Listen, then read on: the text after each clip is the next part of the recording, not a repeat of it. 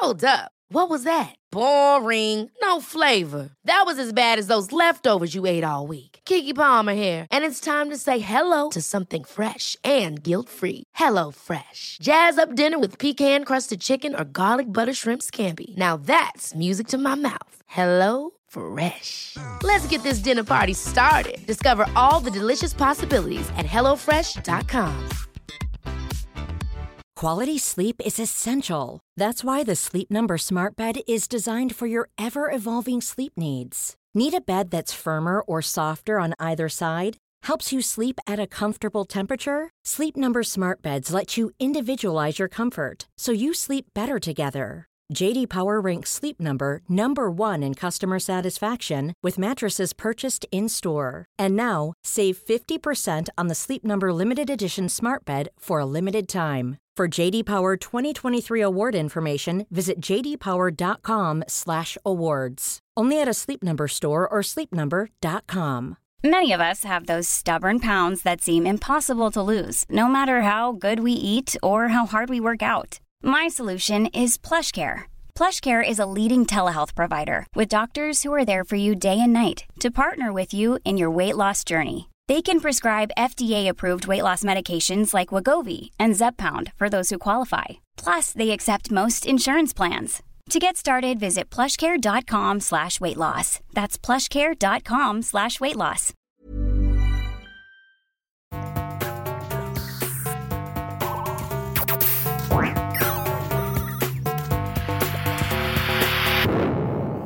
Velkommen til Sinnsyn.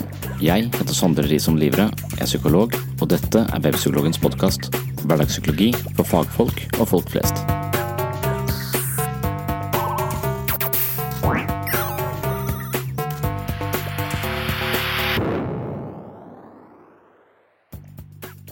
En arkitekt sitter i psykoterapi og snakker om en stor avtale han er i ferd med å lande.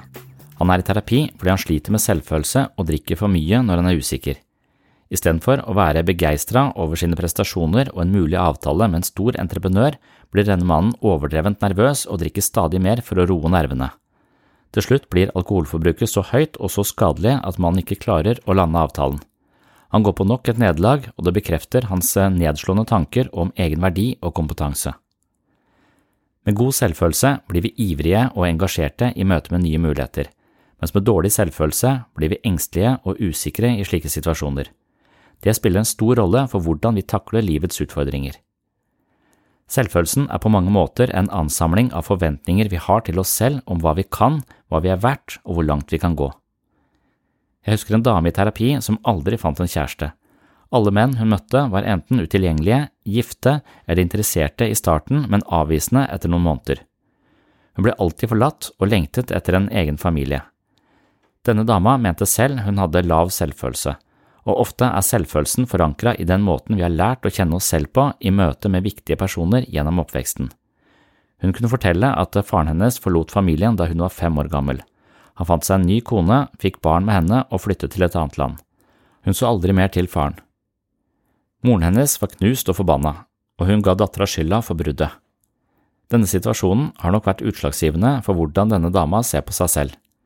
Hun tenker at hun er til bry, lite verdt og en person som andre folk vil komme til å forlate. Nettopp disse ideene er noe hun mer eller mindre ubevisst søker å gjenskape i nye relasjoner.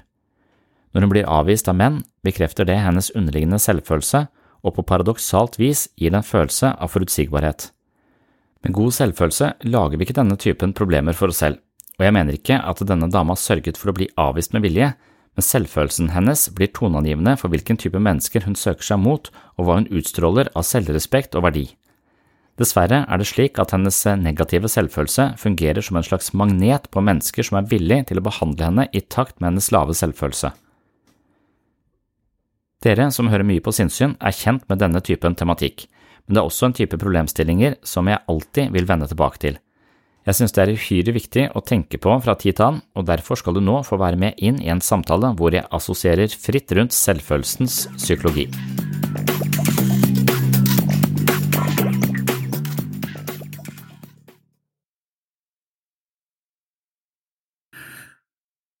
Men det kan være en altså, det er en kjempedårlig strategi. For til slutt så får du for mye å gjøre, og da vil du ikke gjøre noe helt og fullt, men alt halvhjerta og overbelasta, og så blir du sykemeldt. Så, så det å faktisk ta ansvar for sitt eget liv og si nei, det kan jeg ikke. Det vil også være å si ja til det du faktisk har prioritert.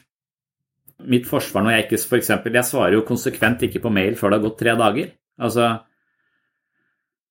for det, Hvis jeg blir en person som folk forventer at svarer umiddelbart på alt mulig, eh, mulig, støy utenfra, så vil det kreve så mye, selv om det er kjapt å svare på den mailen, kjapt å svare på den SMS-en, kjapt å gjøre det, kjapt å gjøre det. Alt er kjapt å gjøre, men summa summarum så vil sånne ting hele tiden eie meg hvis ikke jeg bestemmer når jeg selv skal gjøre det.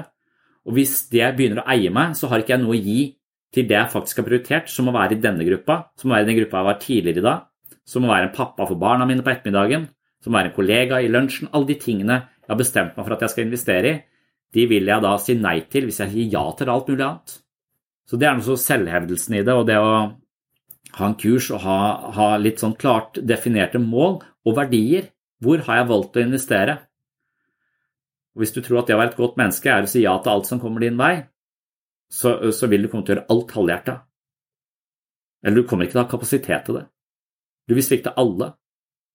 Og jeg tror også man da kommer i en posisjon som vi snakket om i stad, hvis du først ikke hevder behovene dine, definerer behovene dine, vet hva du vil, hva du ønsker og hvor du skal, og du lever i en verden som hele tiden krever noe av deg rundt deg, om det er Nav, eller om det er eh, familie, eller om det er eh, naboer, eller hva det er som hele tiden river og sliter i deg, så vil du måtte liksom beskytte deg mot, mot det, det, støyet, på sett og vis, eller så blir du fanget av, av det støyet.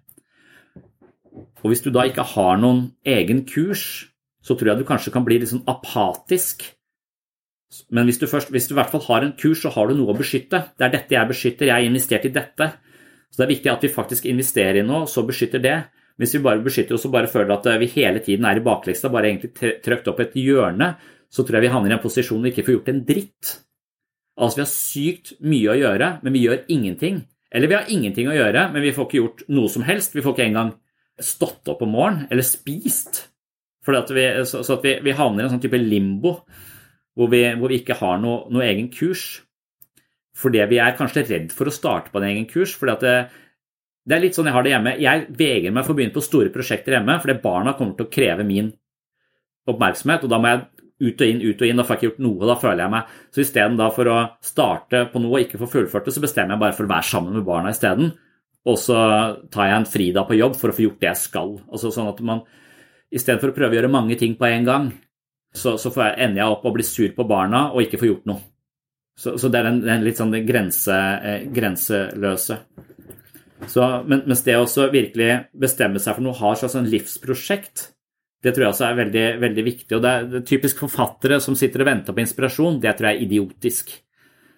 Jeg tror at det å være forfatter, det, handler, det er nesten på samme måte som å være, være fotballspiller eller løper eller, eller friidrettsutøver. Det handler om å skrive litt hele tiden. Det handler om å skrive, ikke løpe fort nok til å komme inn i den turneringen. Ikke skrive godt nok til å få det publisert. Gang på gang på gang på gang. Hver eneste dag. Så de også isteden da sette av lommer og luker til å faktisk prioritere det prosjektet og jobbe iherdig med det for å nå et langsiktig mål, det, det tror jeg også og, er helt avgjørende for god, god, selvfølelse.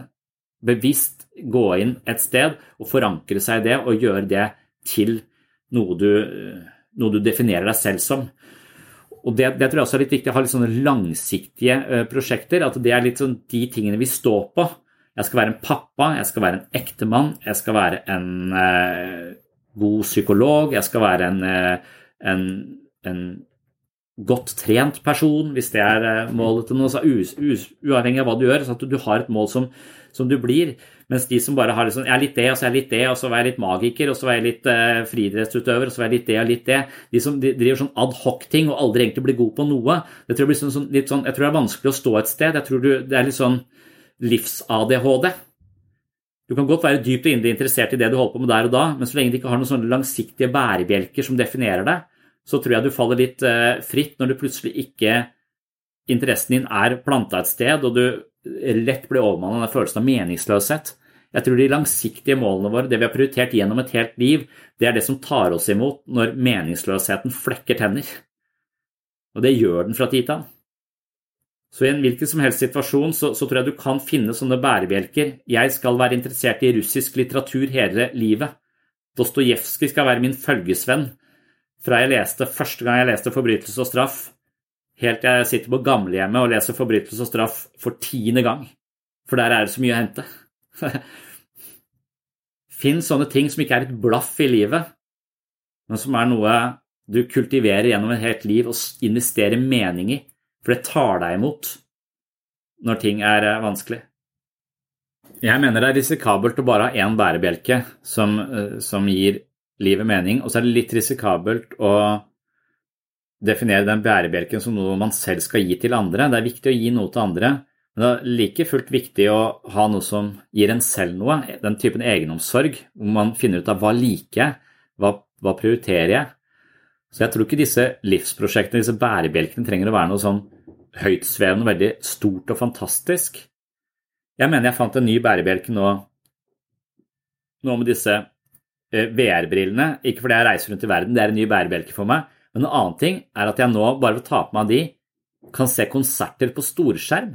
For når jeg har på meg de brillene, så er det en jævlig stor skjerm. Selv om det ikke er i VR eller 3D, så er det likevel det å, det gå tilbake til, de, til, den rocken som jeg vokste opp med på 80-tallet, liksom, som jeg mener var sånn ek ekstremt broddy og, og sånn, en sånn opposisjonell kraft da, som jeg ikke finner i eh, musikk nå til dags.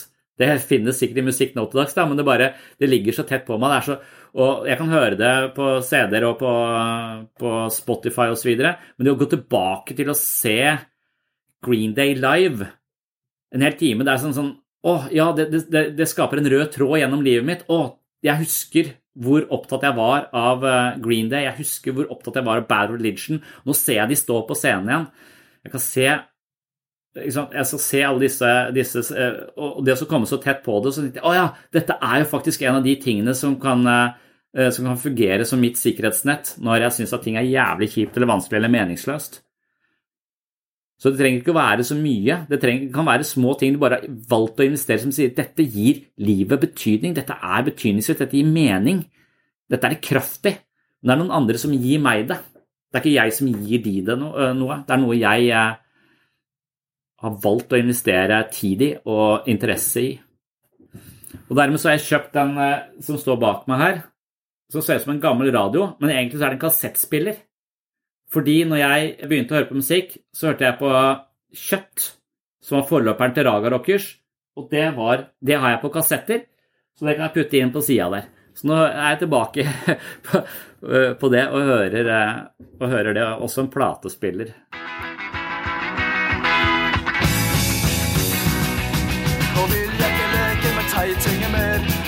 Jeg slatre til pappa om at mamma driver ord med Sanna på kontor. Det er en orgie på gang nedi trappa.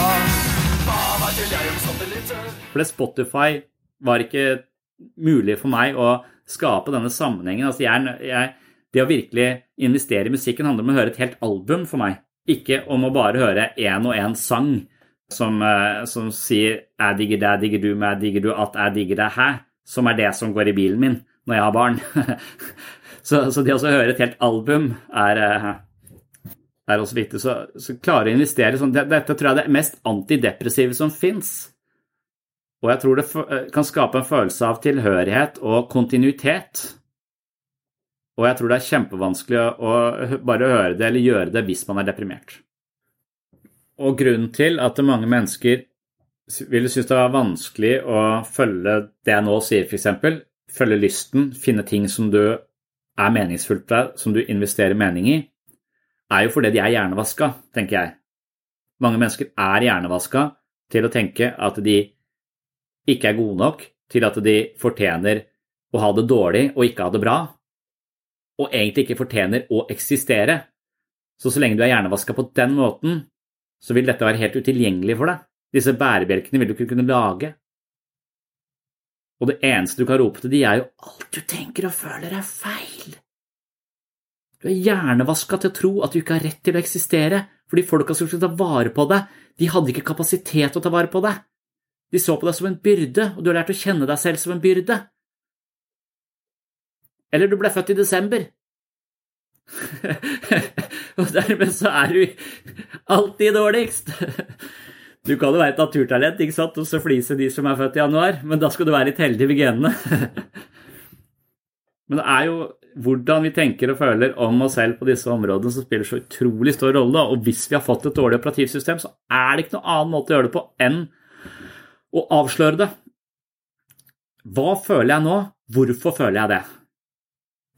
Og er det samsvar mellom handlingene mine og det jeg føler? Jeg føler meg latterliggjort. Er jeg latterliggjort? Eller er det en måte å spøke med meg på som gjør meg til en likemann, eller ser de ned på meg? Og hvis de ser ned på meg, setter jeg grenser for meg selv, står jeg opp for meg selv, er det samsvar mellom følelsene mine og handlingene mine? At man blir kjent med seg selv underveis, er nysgjerrig på det som, som foregår. Og Det er der denne lekne holdningen kommer inn. Hvis ikke du har en lekende holdning, hvis du tenker at det jeg sa i forrige uke, eller det jeg gjorde eller ikke gjorde i forrige uke som jeg burde ha gjort, det gjør meg til et dårlig menneske, så det orker jeg ikke å se på da. Jeg bare, må bare leve videre og bare prøve å glemme det. Da lærer du ingenting. Men det å møte det, ta det opp med, med personen, si 'beklager, jeg burde ha, ha, gjort det, men jeg har ikke gjort det', eller, eller reflektere 'hvorfor gjorde jeg det ikke'? Eh, eller 'hvorfor gjorde jeg det jeg gjorde'? Det tror jeg er den holdningen, interessen, man bør ha for seg sjøl for, for, å være i det hele tatt på sporet av de vrangforestillingene som er installert i det. Det er en forskjell. Jeg hørte du sa uh, til uh, noen her at uh, når vi, vi, har bestemt oss for å gå en tur herfra. Vi går på det og det tidspunktet, og så er vi kanskje veldig glade for at vi skal få gå den turen, og vi kan kjenne etter på frisk luft, det har blitt sommer, mange sånne Så vi gleder oss til det. Mens mange av de som kommer hit, har ikke lyst til å være her. Så du, du, uttrykte at eh, ja, det er egentlig bare vi som har lyst til å være her. Alle de andre er her bare fordi de må, på en eller annen, en eller annen forstand. Da. Så at man blir pressa inn i et eller annet fordi man sier det er bra for deg, det er bra for deg, det er bra for deg. det er bra for deg. Hver gang du sier det til, eh, til noen som ikke har valgt det selv, så, så presser du det jo du, pålegger de noe som de må gjøre. Og, og da, da, er de allerede i bakleksa, så lenge de ikke tar det bevisste valget om å gjøre det for sin egen del så, det liksom, så kan det virke mot sin hensikt.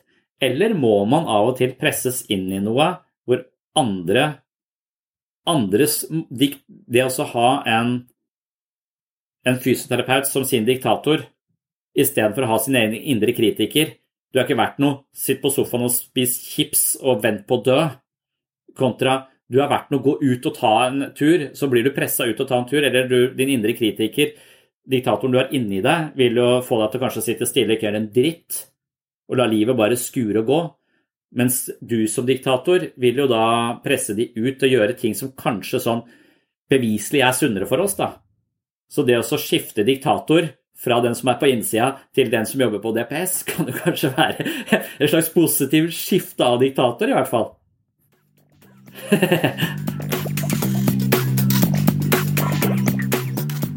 Det siste du hørte, var kun et kort utdrag fra en lengre episode om selvfølelse på patron.com forsers sinnssyn.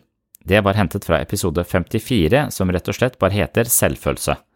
Vil du høre hele episoden, kan du tegne et abonnement på mitt mentale treningsstudio på patreon.com for segs sinnssyn, og her finner du ikke bare én episode av sinnssyn om selvfølelse, men også mye, mye mer.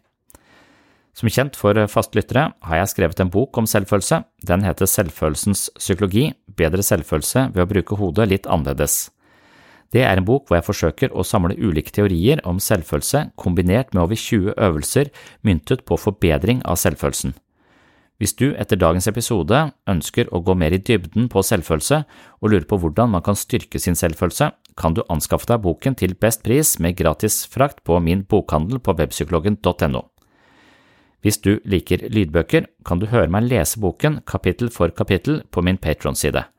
Ved å tegne et abonnement på patron.com for sinnssyn blir du blant de lytterne som støtter dette prosjektet, og som takk for støtten, som altså sørger for at denne podkasten er i live, får du tilgang til Selvfølelsens psykologi som lydbok og masse annet ekstramateriale fra denne podkasten. Du finner flere hundre poster med ekstra episoder av sinnssyn og masse videoforedrag i tillegg til lydboka. Du vil også finne oppfølgeren til Selvfølelsens psykologi, som handler om selvbildet. Boka heter Jeg, meg selv og selvbildet, om å bli den man er fullt og helt. Denne boka blir også lest inn som lydbok av meg. Tanken er at disse bøkene, som til sammen inneholder over 50 mentale øvelser, fungerer som treningsmanualer på mitt mentale treningsstudio. Patron er altså en side med masse mer sinnssyn, lydbøker og øvelser som skal hjelpe deg til å implementere det du forstår om deg selv og livet i selve livet.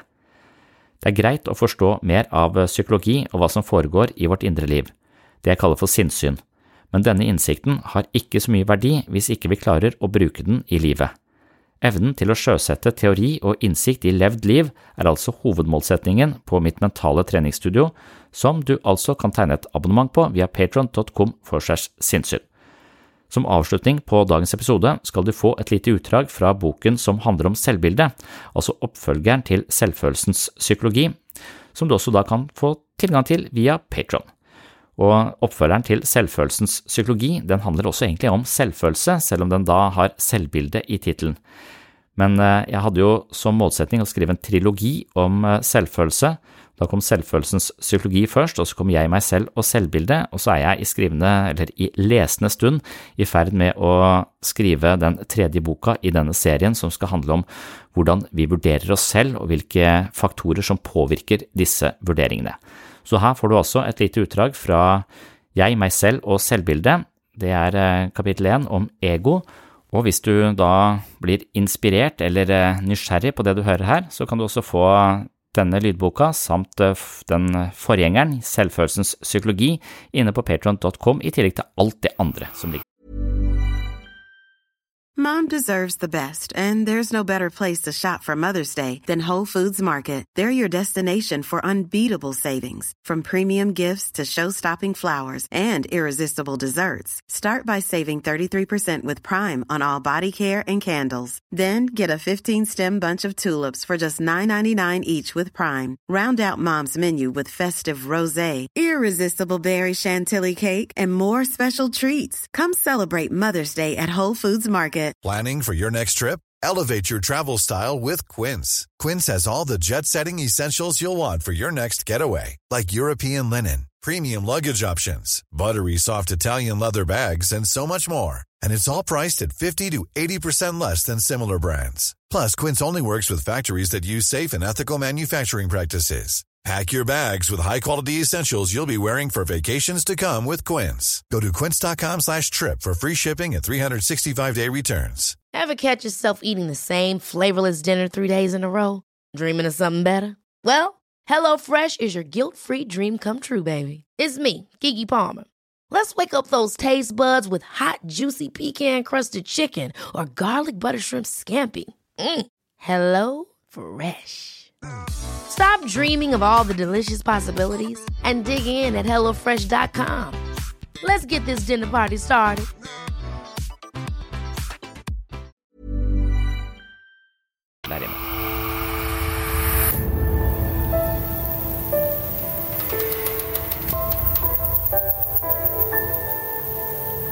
Velkommen til Jeg, meg selv og selvbildet om å bli den man er fullt og helt. Boka er skrevet av meg, Sondre Risholm Livrød, og det er jeg som leser. I dag skal du få høre kapittel 1, del 1 om ego. Har det å eie ting eller oppnå status og anerkjennelse noensinne gitt mennesket evig lykke? Historiebøker, folkeeventyr og religiøse skrifter er fulle av metaforiske og bokstavelige argumenter mot ideen om å knytte følelsen av indre fred og lykke til den materielle verden. På tross av dette slutter vi ikke å bli forført av automatiske og gjentagende tanker som krever at vi løper raskere og raskere på livets tredemølle og skaffer oss stadig flere ting, og som hviler på en idé om at lykke kommer rundt neste sving eller etter neste prestasjon eller neste lønnsforhøyelse. Slik er ego på sitt verste. Dominert av ego For noen år siden hørte jeg en munk snakke om mennesket sett gjennom Buddhas øyne. Det var en tidlig onsdag morgen ved en psykiatrisk poliklinikk på Sørlandet sykehus. Hver onsdag fra klokka åtte til ni er det internundervisning for alle behandlere ved poliklinikken, og denne morgenen hadde vi altså invitert en munk som foreleser. Han hadde en vennlig utstråling og han ville fortelle oss hvordan buddhismen forsto menneskets ego. Foredraget hans gjorde inntrykk på meg, og jeg tenkte at Buddha var blant de første psykologene. Mange av ideene i buddhismen speiler sentrale konsepter innenfor de største psykologiske skolene. Munken hevdet at mennesker er dominert av sitt eget ego.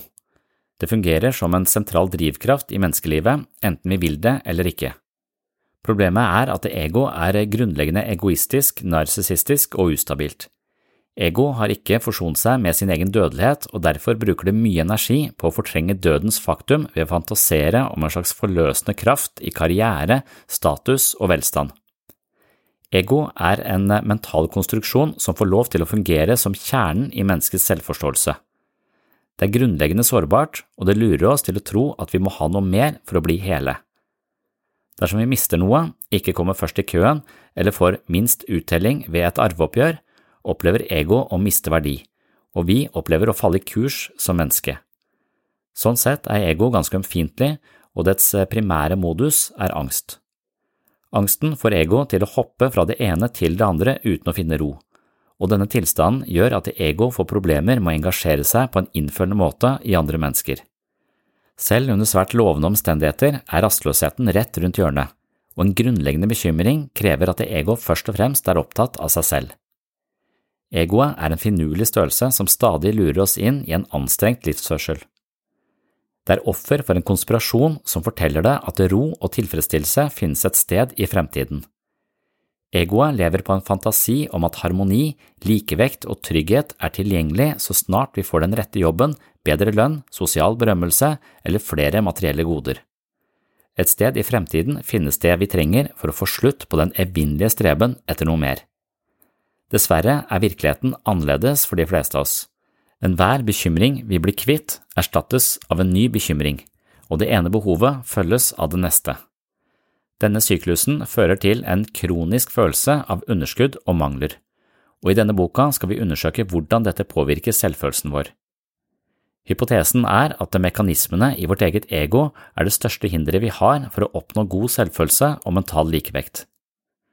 Mange av de store visdomstradisjonene påstår at ego i bunn og grunn bare er en liten del av oss. Dersom vi klarer å ta et skritt tilbake og løsrive oss litt fra egoets heseblesende drama, kan vi finne en form for mental likevekt, noe som er en fundamental forutsetning for god selvfølelse. Teorien er forholdsvis lett å forstå, men spørsmålet er hvordan den utspiller seg i praksis. Hos noen av oss fungerer egoet som en nådeløs dommer som aldri blir fornøyd. Det er som om det ikke er godt nok å være den vi er, og dermed forsøker vi å kompensere eller fremstå litt bedre. Det kan bli et svært slitsomt prosjekt.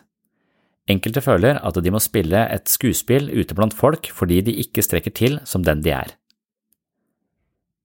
Et velfungerende ego gir oss en følelse av sammenheng, identitet og tilhørighet.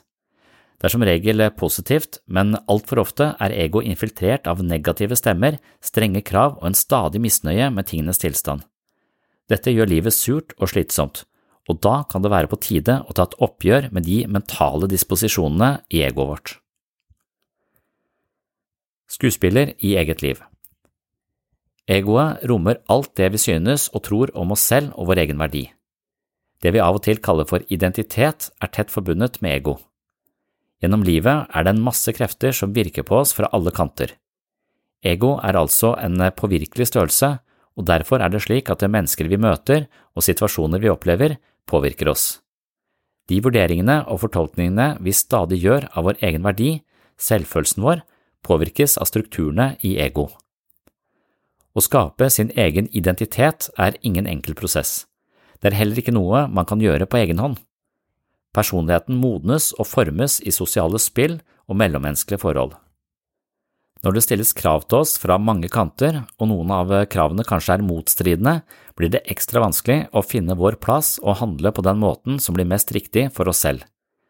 I slike tilfeller må hver enkelt ta hensyn til egne følelser, behov og meninger men det er ikke sikkert at vi egentlig vet hva vi vil. Hvem er jeg, og hvorfor er jeg den jeg er? Hvordan ble jeg slik, og kan jeg forandre meg? Dette er sentrale spørsmål som unge mennesker funderer på nesten hele tiden, men de dukker også opp i voksen alder. Sannsynligvis er evnen til å fremstå på ulike måter i ulike settinger en positiv og fleksibel egenskap, men samtidig kan den representere en slags grunnleggende usikkerhet. Hva er egentlig forskjellen her? Kenneth Gergen er en representant for det som kalles sosialkonstruksjonisme, og han forstår selve eller personligheten som sosialt gjennomtrengt. Med andre ord mener han at mennesket helt og holdent er et sosialt produkt. Professor i filosofi Dorte Marie Søndegård er inne på en lignende tankegang når hun snakker om multiple selv. Det vil si at personligheten er kontekstavhengig og dermed forskjellig i ulike sosiale sammenhenger. De fleste vil sannsynligvis kjenne seg igjen i dette. Vi er ikke helt den samme på jobb som vi er hjemme sammen med familien eller på fest med venner, noe som av og til kan skape grobunn for en slags identitetsproblematikk. Hvem er jeg egentlig? En person som hviler i seg selv, vil imidlertid ikke oppleve dette som noe problem. Å tilpasse seg ulike sammenhenger kan være et tegn på fleksibilitet. Jeg har allerede nevnt at de store visdomstradisjonene forteller oss at alle mennesker er like mye verdt. Mennesker med en solid selvfølelse har på et eller annet nivå innsett at visdomstradisjonene har rett. Jeg er verdifull fordi jeg er et menneske, ikke på grunn av alle de tingene ego krever for å føle seg bra nok. Når ego dominerer vårt indre liv, blir det fort slitsomt å være menneske. Vi er nødt til å være noe eller prestere noe for å tilkjempe oss egenverdi. I sosiale sammenhenger kan ego stille strenge krav til væremåten vår, ettersom ego er mer opptatt av andres meninger enn sin egen verdi. Med lavere selvfølelse får vi lett behov for å innta en eh, helt spesiell rolle, og noen opplever at de må spille et slags skuespill. Ulike sosiale arenaer krever ulike rollefigurer, og sosiale sammenhenger blir slitsomme fordi det hele tiden er som å stå på en scene. Den som er mindre bundet av ego, har muligheten til å hvile i seg selv på en trygg og solid måte, og dermed blir det lettere å være seg selv på tvers av ulike settinger, selv om man av og til må tilpasse seg omgivelsene. Når et skjørt ego fungerer som manager for hele livet, er det vanskelig å finne likevekt.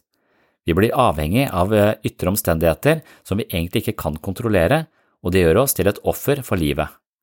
Som offer for livets eh, omstendigheter kommer vi til å mangle det den canadiske psykologen Albert Bandura kaller for self-efficiency.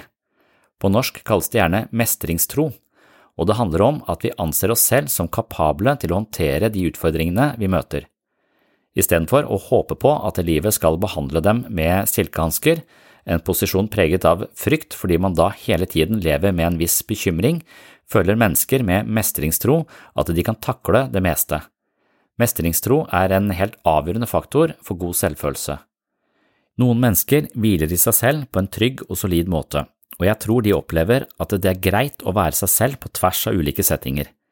De kan tilpasse seg ulike situasjoner og miljøer, men de opplever ikke at tilpasningen krever at de spiller en helt ny rolle som strider mot den de egentlig er.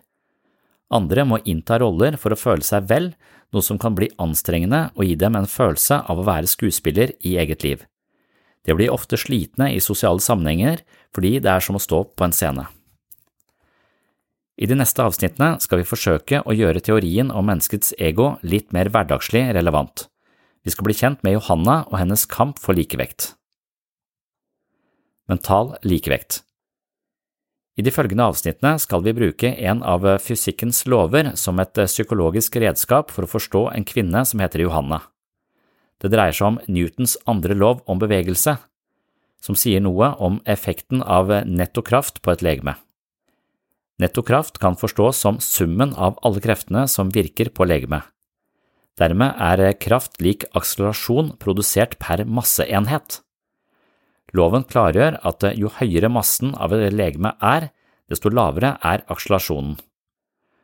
La oss prøve å se dette fra en psykologisk vinkel med tanke på hvordan det mentale maskineriet vårt fungerer. Massen er den avgjørende faktoren for effekten av tilfeldige krefter som vil påvirke oss gjennom for eksempel en læringsprosess. Jo større massen er, jo mindre effekt vil tilfeldige forstyrrelser ha på prosessen. Jo tyngre og mer solid selvfølelsen vår er, desto vanskeligere er det å presse oss ut av kurs. Individet er altså det som utgjør legemet, og kreftene som virker på legemet, refererer til de inntrykkene som slår mot individet i møte med den store verden. Masse refererer til vekten av individets syn på seg selv, altså selvfølelsen, og akselerasjonen avhenger av styrken på de kreftene som påvirker individet underveis. Nå blir det veldig komplekst, men la oss klargjøre ved å bringe noen eh, litt mer konkrete eksempler inn. I dette eksempelet er det altså Johanna som er legeme. Hun kommer fra en katolsk familie og har hatt en forholdsvis streng religiøs oppvekst. Hun tror på en innebygd godhet i mennesket, og hun forsøker å leve opp til dette bildet av seg selv. Hjemme blir Johannas tro på seg selv forsterket ettersom familien hennes eh, setter tydelig pris på alt hun gjør. Naboene ser på Johanna som en pliktoppfyllende og ikke minst flink jente, men de registrerer også at hun ikke har så mange venner. På jobb, som er i en kundeserviceavdeling, stiller det seg annerledes. Her oppfatter kollegaene Johanna som litt hoven. Hun er nærmest ute av stand til å delta i sosiale sammenhenger, og hun er veldig vanskelig å samarbeide med. Sist gang hun prøvde å ta en kopi av et dokument på oppdrag fra sjefen sin, oppdaget hun at kopimaskinen ikke virket. Da hun ba om hjelp, stirret kollegaene bare oppgitt og litt uforstående på henne og gikk tilbake til arbeidet sitt uten å svare. Hun ble en halvtime forsinket med kopieringsoppdraget, og sjefen var rasende. Senere forsto hun at det var kommet en ny kopimaskin i andre enden av kontoret, men ingen av kollegaene hadde brydd seg med å informere henne om dette. Johanna sier at hun egentlig ikke bryr seg om kollegaene, for tross alt er hun der for å gjøre en jobb for sjefen og ikke for å omgås kollegaene. Innerst inne vet hun imidlertid at det forholder seg annerledes. Når sant skal sies, føler hun seg elendig på jobb og opplever at kollegaene både misliker henne og motarbeider henne. Akkurat denne ideen om at folk rotter seg sammen mot henne, har Johanna hatt helt siden skoletiden. Alle kreftene som virker på Johanna, gir henne hodepine. I perioder har hun vondt i hodet nesten hver dag. Legen mener hun lider av såkalt kronisk spenningshodepine. Det vil si at hun opplever mer enn 20 minutter med hodepine hver dag i over 15 dager i strekk. Legen forklarer Johanna at smertene sannsynligvis skyldes psykisk stress.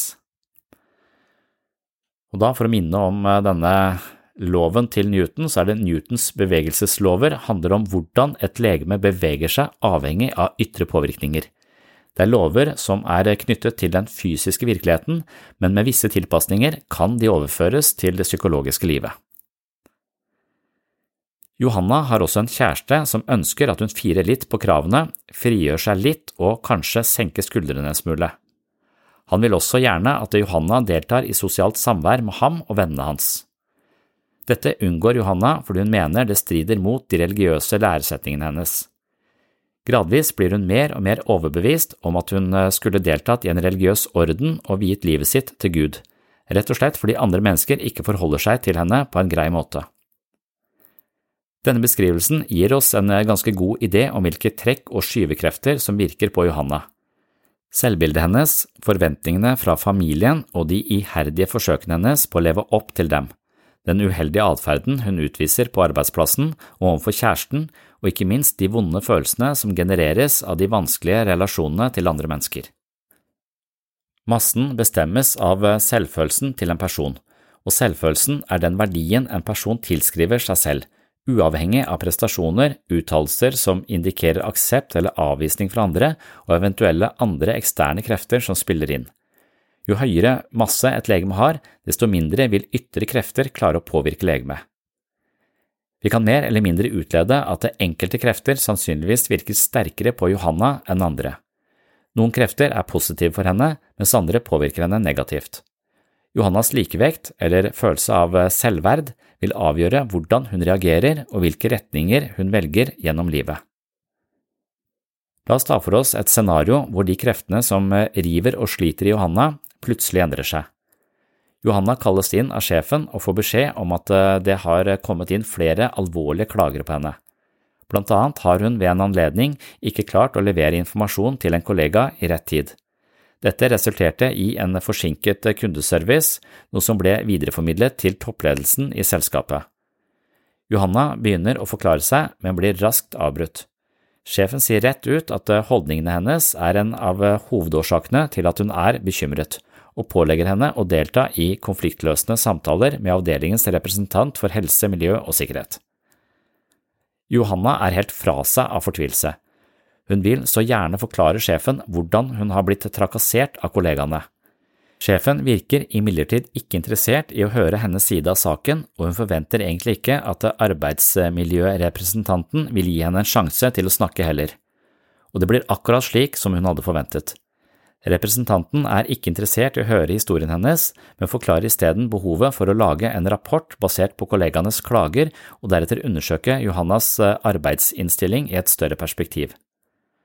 Så snart Johanna kommer hjem, oppsøker hun kjæresten for å få støtte, men hans umiddelbare reaksjon er på ingen måte som forventa. Selvsagt, de liker deg ikke. Du tror du er bedre enn alle andre, men egentlig har du ingen resultater å vise til. Hvis du var så enestående som du selv skal ha det til, ville du ikke vært eh, der du er nå, du ville vært i et helt annet sted, i hvert fall ikke vært i kundeservice. Johanna er nedslått. Kjæresten avslutter med å si at han trenger litt tid til å revurdere forholdet. Jeg vet ikke om jeg kan ha et langvarig forhold med noen som ønsker å bli nonne, og attpåtil tror at denne andektige holdningen gjør henne bedre enn alle andre. Du burde sjekke hvilke holdninger religionen din egentlig anbefaler. Jeg tror ikke det er arroganse, i hvert fall. Nå ser vi tydelig de ytre kreftene som virker inn på Johannas masse. Når hun kommer hjem og forteller om hendelsene til familien, støtter alle sammen opp om henne og mener at hun har blitt urettferdig behandla. Hennes sterke behov for aksept i en sårbar situasjon blir tilfredsstilt til gangs av familien. Nettopp i et slikt tilfelle vil Johannas likevekt bli svært avgjørende. Dersom hun besitter en stor grad av likevekt, en godt forankra selvfølelse, vil hun analysere hvorfor hun står overfor ubehageligheter på arbeidsplassen, og hvorfor hun velger å skylde på kollegaene sine og anklage hele selskapet for å behandle henne urettferdig. Graden av likevekt vil også avgjøre hvorvidt Johanna vurderer å se på sin egen holdning og mulighetene for at hun kan endre oppførsel og utvide sitt sosiale repertoar, eller fortsette som hun har gjort til nå, men eventuelt endre på de ytre forholdene ved å finne seg en ny jobb. Jo sterkere og mer solid en persons selvoppfattelse er, desto bedre er vedkommende til å tilpasse seg til nye situasjoner og omgås andre på en fleksibel måte. En person kan miste jobben og reagere med bitterhet og alkoholisme, mens en annen kan ta lærdom av en ubehagelig hendelse og fortsette i en ny virksomhet eller etablere en ny måte å jobbe på. Førstnevnte viser tegn på ubalanse, mens sistnevnte besitter stor grad av likevekt. Likevekt er noe vi opparbeider oss dersom vi våger å se på våre egne feil og undersøke situasjoner der vi ryker uklare med andre mennesker eller kommer til kort.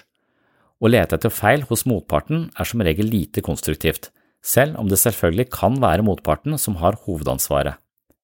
Det er imidlertid bare vår egen reaksjon vi har muligheten til å justere.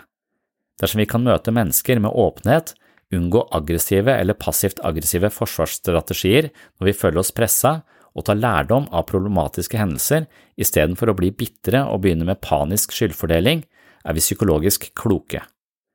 Da har vi det som ofte kalles for høy emosjonell intelligens. Mennesker med høy emosjonell intelligens havner imidlertid sjelden i konflikter og er som regel tilfredse med livet. Det er altså en god psykologisk likevekt, noe vi her har kalt masse som en metafor på selvfølelse. Mennesker med en solid masse tåler og takler sterke krefter som påvirker dem uten at de mister sin støe kurs gjennom livet. Vil du ha rett eller gode relasjoner? Mange av Johannas konflikter hang sammen med at hun identifiserte seg med en del prinsipper, holdninger og verdier, og det var viktig for henne at andre ga henne anerkjennelse og bekreftelse på disse.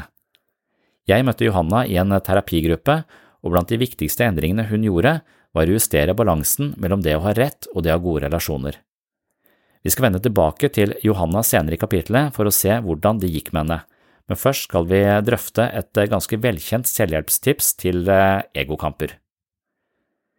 I boken Don't Sweat the Small Stuff and It's All Small Stuff spør Richard Carlson vil du ha rett eller vil du være lykkelig?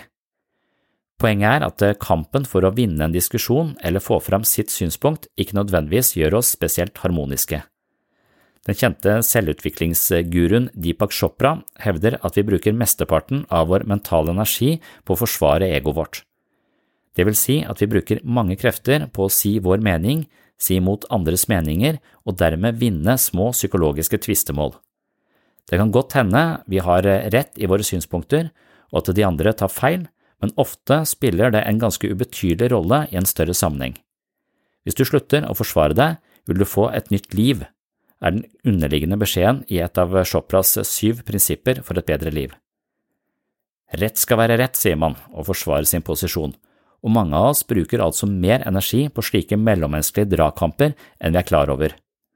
Dersom du slutter å forsvare meningene dine, vil du vinne et enormt mentalt overskudd som du kan bruke på mer konstruktive ting. Det betyr ikke at vi skal unnlate å uttrykke oss, men at vi skal gi slipp på behovet for å ha rett eller overbevise andre. Når det blir viktig for oss å ha rett, blir det viktig at den andre tar feil. Vi tvinger den andre til å forsvare seg, samtidig som vi presser oss selv til å hevde vår egen posisjon.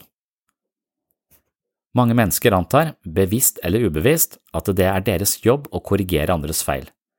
Videre tror de at de andre vil være takknemlige for innsigelsene eller lære noe nytt, men det er som regel ganske langt ifra sannheten.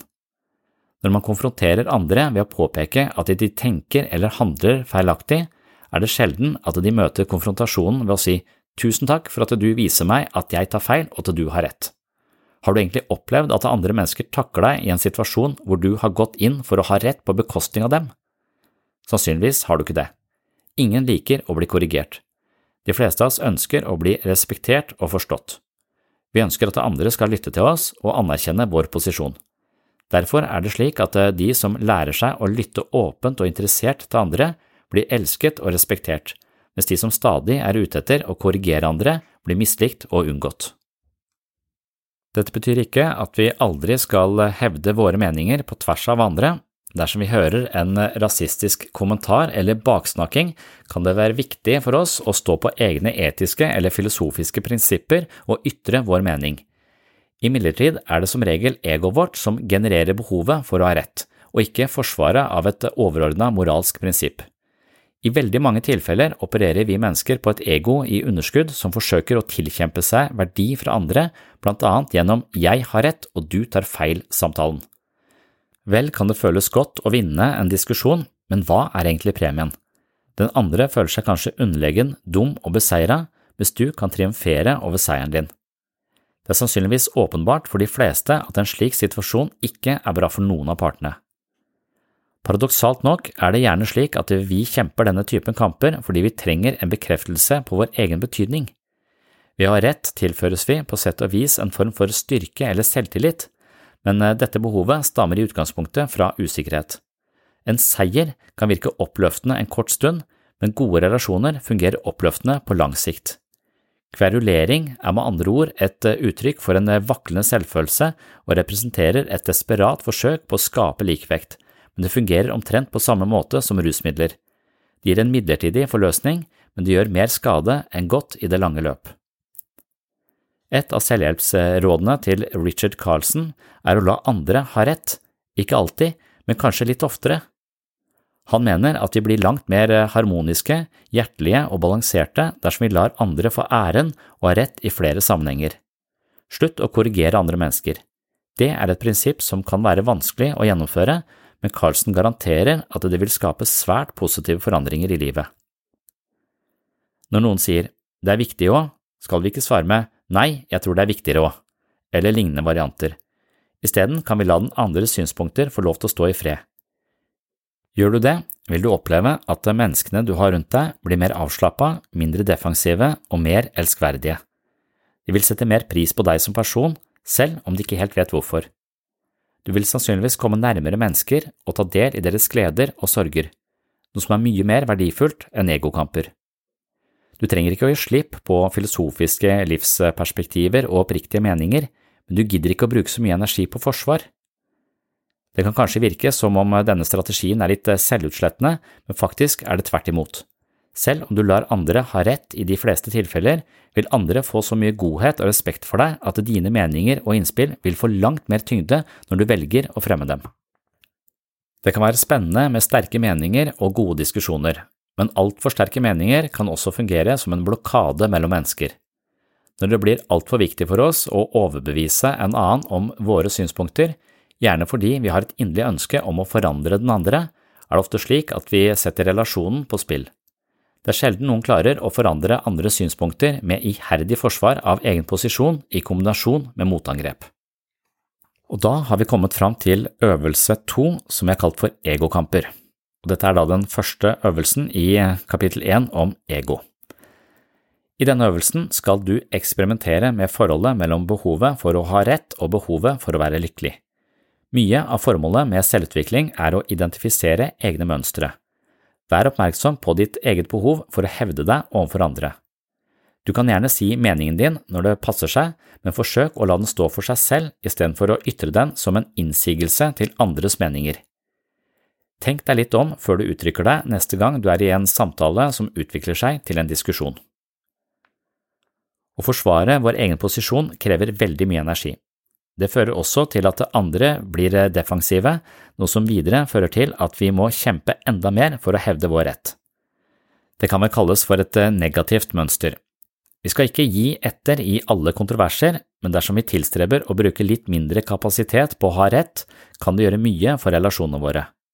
Det kan være fristende å korrigere andre når vi mener de tar feil, men i denne øvelsen skal du eksperimentere med å la andre få gleden av å ha rett litt oftere. Men pass opp, du risikerer å bli en mer harmonisk person. Og da er vi framme ved det første punktet i denne øvelsen, og jeg vil gjerne at du har både penn og papir tilgjengelig. Bruk de neste ukene på å lytte mer til andre uten å forsvare deg eller si dem imot. Og det du skal se etter, og det spørsmålet jeg vil at du skal besvare, er rett og slett om denne innstillingen gjør noe med relasjonene dine. Og hvis den gjør det, så anbefaler jeg deg at du noterer dette ned på et ark. Husk at nesten alle mennesker mener at de har gode holdninger og viktige poeng. Det er derfor de vil fortelle om dem. I denne øvelsen hjelper det å møte andre med en antakelse om at nesten alle meninger har en viss aktualitet. Forsøk å se etter gode poeng i andres argumenter istedenfor å lete etter feil. Det finnes et snev av sannhet i nesten alt, og dersom vi leter etter dette, går vi kanskje glipp av en diskusjon som kunne utviklet seg til en krangel. Det er sjelden et stort tap. I en diskusjon forsvarer vi våre egne meninger, men dersom du forsøker å sette deg inn i den andres perspektiver, kan det hende at du skaper en bedre relasjon til den andre, og kanskje lærer du noe nytt. Så punkt to i denne øvelsen er som følger. Forestill deg at du er på en fest, og at noen snakker om en eh, politiker de setter høyt. Samtidig snakker de nedsettende om det politiske partiet du selv foretrekker. Hva gjør du? Bruk litt tid på å skrive ned hva du ville gjort i en sånn situasjon. Punkt tre. Les dette svaret som du akkurat har skrevet ned, høyt for deg selv. Har du virkelig forsøkt å leve deg inn i den andres perspektiv? Punkt fire. Se for deg at en venn, en kollega, et familiemedlem eller et søsken forteller deg at han eller hun synes at du utnytter han eller henne. Hva sier du til det? Da vil jeg gjerne at du skriver ned svaret ditt. Hvis du blir anklaget for å utnytte en eller annen person som står deg nær, hvordan vil du svare? Og neste punkt da, det er å lese dette svaret høyt for deg selv. Har du virkelig forsøkt å leve deg inn i den andres perspektiv? Det er alltid to sider av en sak, og dersom du alltid forsøker å se begge sider, kan det hende du lærer mye om andre og enda mer om deg selv. Og med det så avslutter jeg denne del én av kapittel én om ego. Det kan også være lurt altså gjennom denne boka å kanskje ha en egen liten bok til disse øvelsene hvor du skriver ned ulike refleksjoner og svar på de spørsmålene jeg kommer til å stille deg underveis. Hvis du har eh, boka fysisk, så er den eh, full av skrivebrett hvor det er gjort plass til å notere ned disse refleksjonene underveis. Men siden dette her er lydbokversjonen, så er det ikke sikkert at du har eh, boka tilgjengelig, men da er det altså lurt å ha en liten kladdebok hvor du kan gjøre disse notatene og svare på disse spørsmålene som du kommer til å bli konfrontert med gjennom hele dette prosjektet. Dermed avslutter jeg kapittel 1 del 1 om ego med denne øvelse 2 om egokamper. Tenk litt på det jeg har eh, sagt, og les dine egne refleksjoner, ta det med deg videre i prosjektet, og så er du velkommen tilbake om noen uker i del to fra dette kapitlet, som da skal handle mer om mental likevekt og det som kalles for flyt. Takk for følget så langt, og på gjenhør.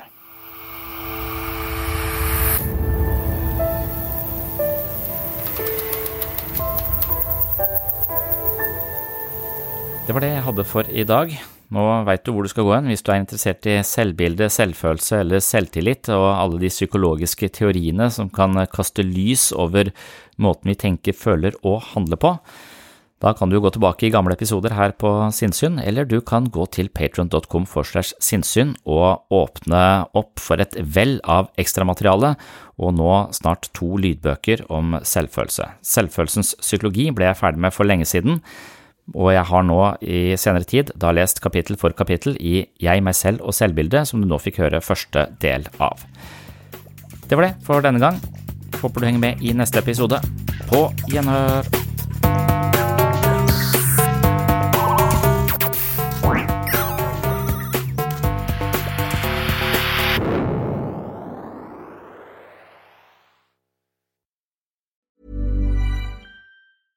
Ever catch yourself eating the same flavorless dinner three days in a row? Dreaming of something better? Well, HelloFresh is your guilt free dream come true, baby. It's me, Kiki Palmer. Let's wake up those taste buds with hot, juicy pecan crusted chicken or garlic butter shrimp scampi. Mm. Hello Fresh. Stop dreaming of all the delicious possibilities and dig in at HelloFresh.com. Let's get this dinner party started. Hey, it's Paige DeSorbo from Giggly Squad. High quality fashion without the price tag. Say hello to Quince. I'm snagging high-end essentials like cozy cashmere sweaters, sleek leather jackets, fine jewelry, and so much more. With Quince being 50 to 80% less than similar brands. And they partner with factories that prioritize safe, ethical, and responsible manufacturing. I love that. Luxury quality within reach. Go to quince.com slash style to get free shipping and 365 day returns on your next order. Quince.com slash style. When you make decisions for your company, you look for the no brainers. If you have a lot of mailing to do, stamps.com is the ultimate no brainer. Use the stamps.com mobile app to mail everything you need to keep your business running with up to 89% off USPS and UPS. Make the same no-brainer decision as over 1 million other businesses with stamps.com. Use code program for a special offer. That's stamps.com, code program.